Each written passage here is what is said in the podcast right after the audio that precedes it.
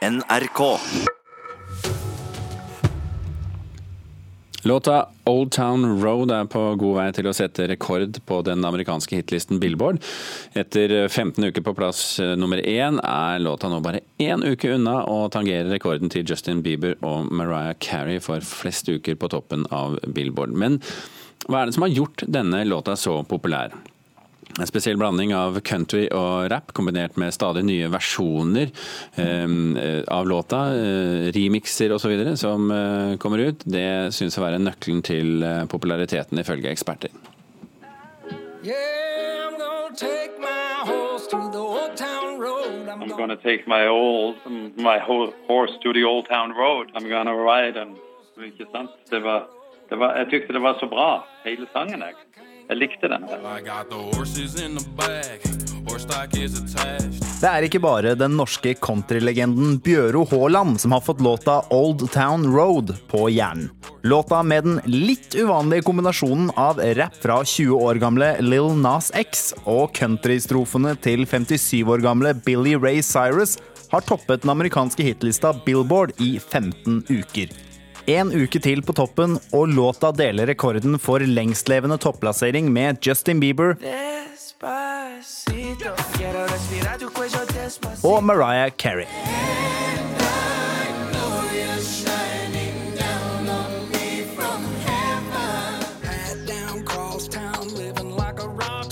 Men hva er det som har gjort Old Town Road så populær? Det er jo først og fremst en veldig fengende låt. Eh, og så har han klart å liksom forene to sjangre som er veldig veldig store i USA. Det er hiphop, som er liksom ja, dagens pop i USA. Og så har du country, som selvfølgelig har vært stort der veldig lenge. Eh, så han har jo klart å nå dobbelt så mange publikummere. da. Mener ansvarlig redaktør Janne Monsen Tveit i musikknettstedet 730.no.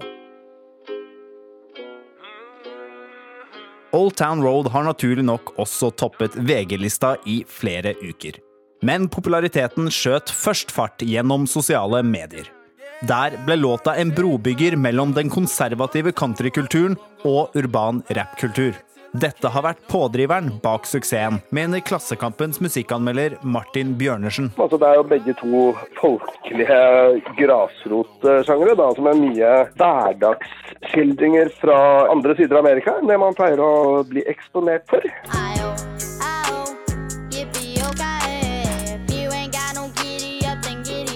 Way. Men Old Town Road er ikke bare Old Town Road. For du innser det kanskje ikke nå, men versjonen av låta du hører under meg her, er ikke den samme som den i starten. For å holde låta fersk er det blitt gitt ut flere remixer av låta, der nye artister og elementer er blitt lagt til. Jeg tror nok det er det som har gjort at det har blitt en rekordlåt. Hvis du ser på liksom streaminglistene, så har begge, både den originalen, som er der Lil Nas X alene, og den versjonen med Billy Ray Cyrus, har jo begge to lagt på topp ti over hele verden. Så det at, at den har to låter som teller som én, det gjør jo selvfølgelig at, eh, at den kan holde på en førsteplass. Fusjonen med rap i Old Town Road har skapt ny interesse for countrysjangeren. Kunne du tenkt deg å gjøre noe lignende med, med noen av dine gamle låter? Ja, jeg tykte det var bra. Den, eh, vi var på hver gang vi møtes. Og eh, det ble jo eh, stormende jubel med Espen, han dansken, som kom inn da og rappa og stilte jeg opp og sang på refrenget. Vi tok frem gitaren og spilte en sang da vi hadde sunget til Kom en mann. I love Norwegian country, Espen eh, Selvig og Bjøre Haalands country-rap-remix av I Love Norwegian Country. Og reporter her, det var Øystein eh, Tronsli Drabløs. Musikksjef i P3, Daniel Ramberg, velkommen til Nyhetsmorgen. Takk skal du ha. Vi må nesten spørre deg, eh, elsker du amerikansk country-rap? Ja, jeg elsker jo både den ene og den andre delen av det, så da må jeg på en måte elske det man, det man får når man setter det sammen også. Mm. Old Town Road uh, har fått eh, sjangeren uh, i eh, fart igjen, og det er flere sanger på Billboard nå som kobler rap og country. Dette er jo ikke den eneste, men hva er årsaken, tror du? Jeg tror jo, som vi hører i reportasjen, at mye av årsaken til det handler om på en måte markedsføringen, og at det er jo en sånn eh, på rett sted til rett tid-aktig låt. Eh, den kom jo liksom opp gjennom sånn meme-generert Twitter-storm.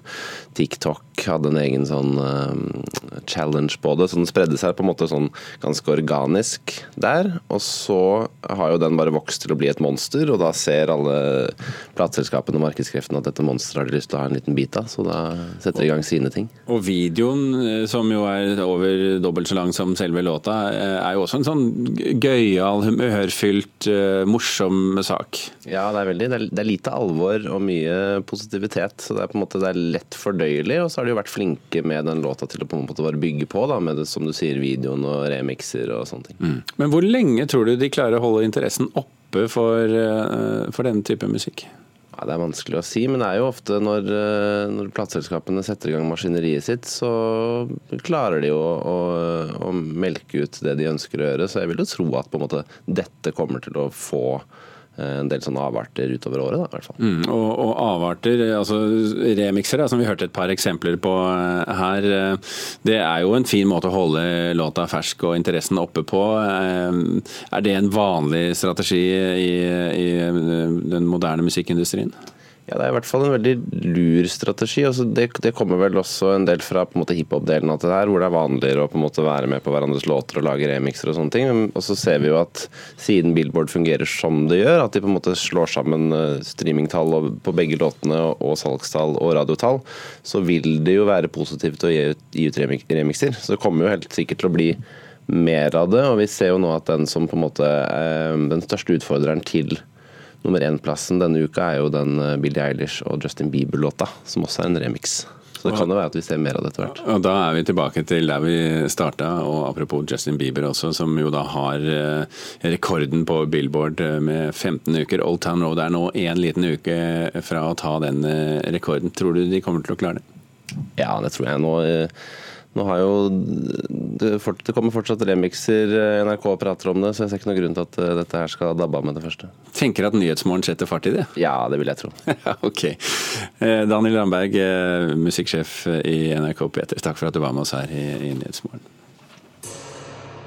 The American people don't know what's best for them.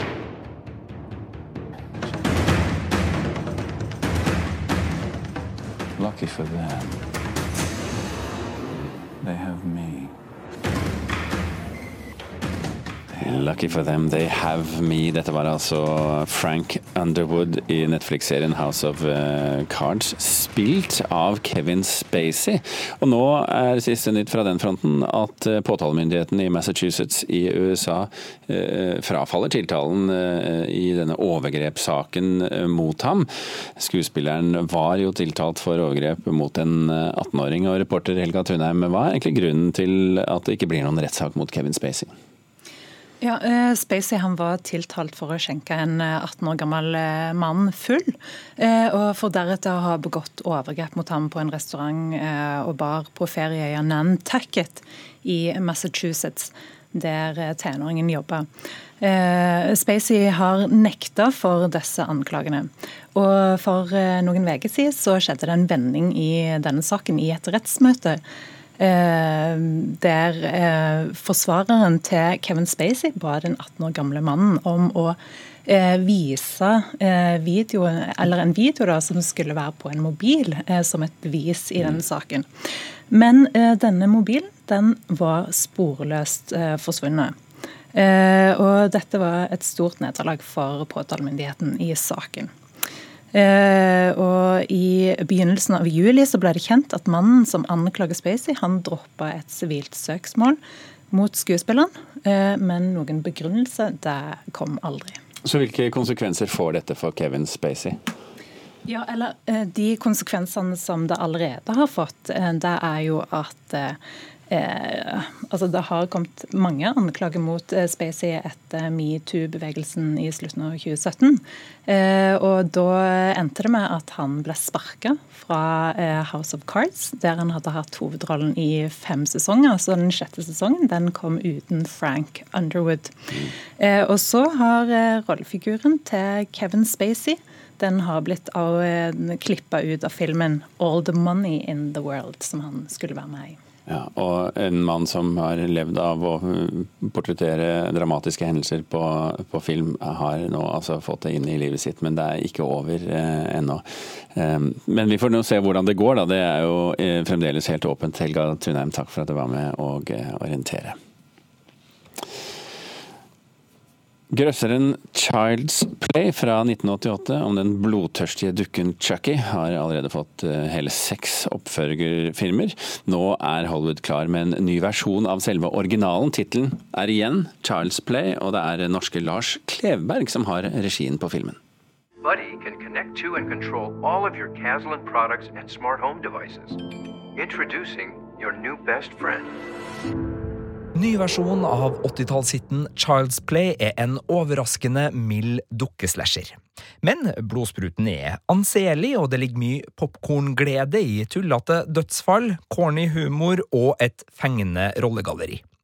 Den rødhåra dukka Chucky er også denne gangen veldig glad i store kniver, og filmens norske regissør, Lars Klevberg, omfavner originalfilmens særegenheter, samtidig som han leker med dukkeeffekter og sjangerklisjeer på underholdende vis. Something's wrong with Chucky.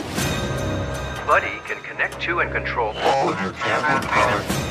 Den kunstig intelligensstyrte dukka Chucky kommer til verden med noen seriøse fabrikkfeil. Sikkerhetsfunksjonene er skrudd av, noe som betyr at dukka sjøl må lære seg forskjellen på riktig og galt. For 13-åringen Andy er denne egenrådigheten først en kilde til stor lekeglede, men da Chucky tar ungguttens klaging på voksne litt for bokstavelig, så får leken en kraftig bismak. I think Chucky did something. Den originale Chucky fra 1988-filmen var ei dukke besatt av en seriemorder. Men plottoppdateringa med kunstig intelligens på ville veier er en frisk og smart vri. Manuskriptet får ikke maks ut av tankegodset rundt ondskap som konsekvens av menneskets dårlige robotbehandling, men det gir noen aktuelle fremtidsengstelser, og med en dukketur ned søppelsjakta så får stemmeskuespiller Mark Hamill, som spiller Chucky, noen creepy strenger å spille på i forholdet til Andy. Som en god 80-talls-slasher så brukes det lune og det trygge som en kontrastvegg til massevis av blodsprutende galskap. Aller best er Chucky sitt første menneskedrap, hvor stueidyll, juletrelys og uh, hageredskap får jobbe sammen på nydeligste vis.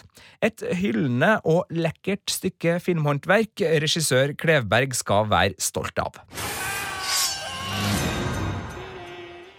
Snill belysning og ganske snill dukkeføring i jumpscare-scenene gjør det her til en av de mildeste grøsserne jeg har sett på kino. Det vil nok være et skår i skrekkgleden for dem som digger gufs og hjertegalopp, men for dem som trives med hvilepuls, så er det her en deilig teit, morsom og smart oppdatert nyinnspilling av Child's Play. Good night, Andy. Terningkast fire.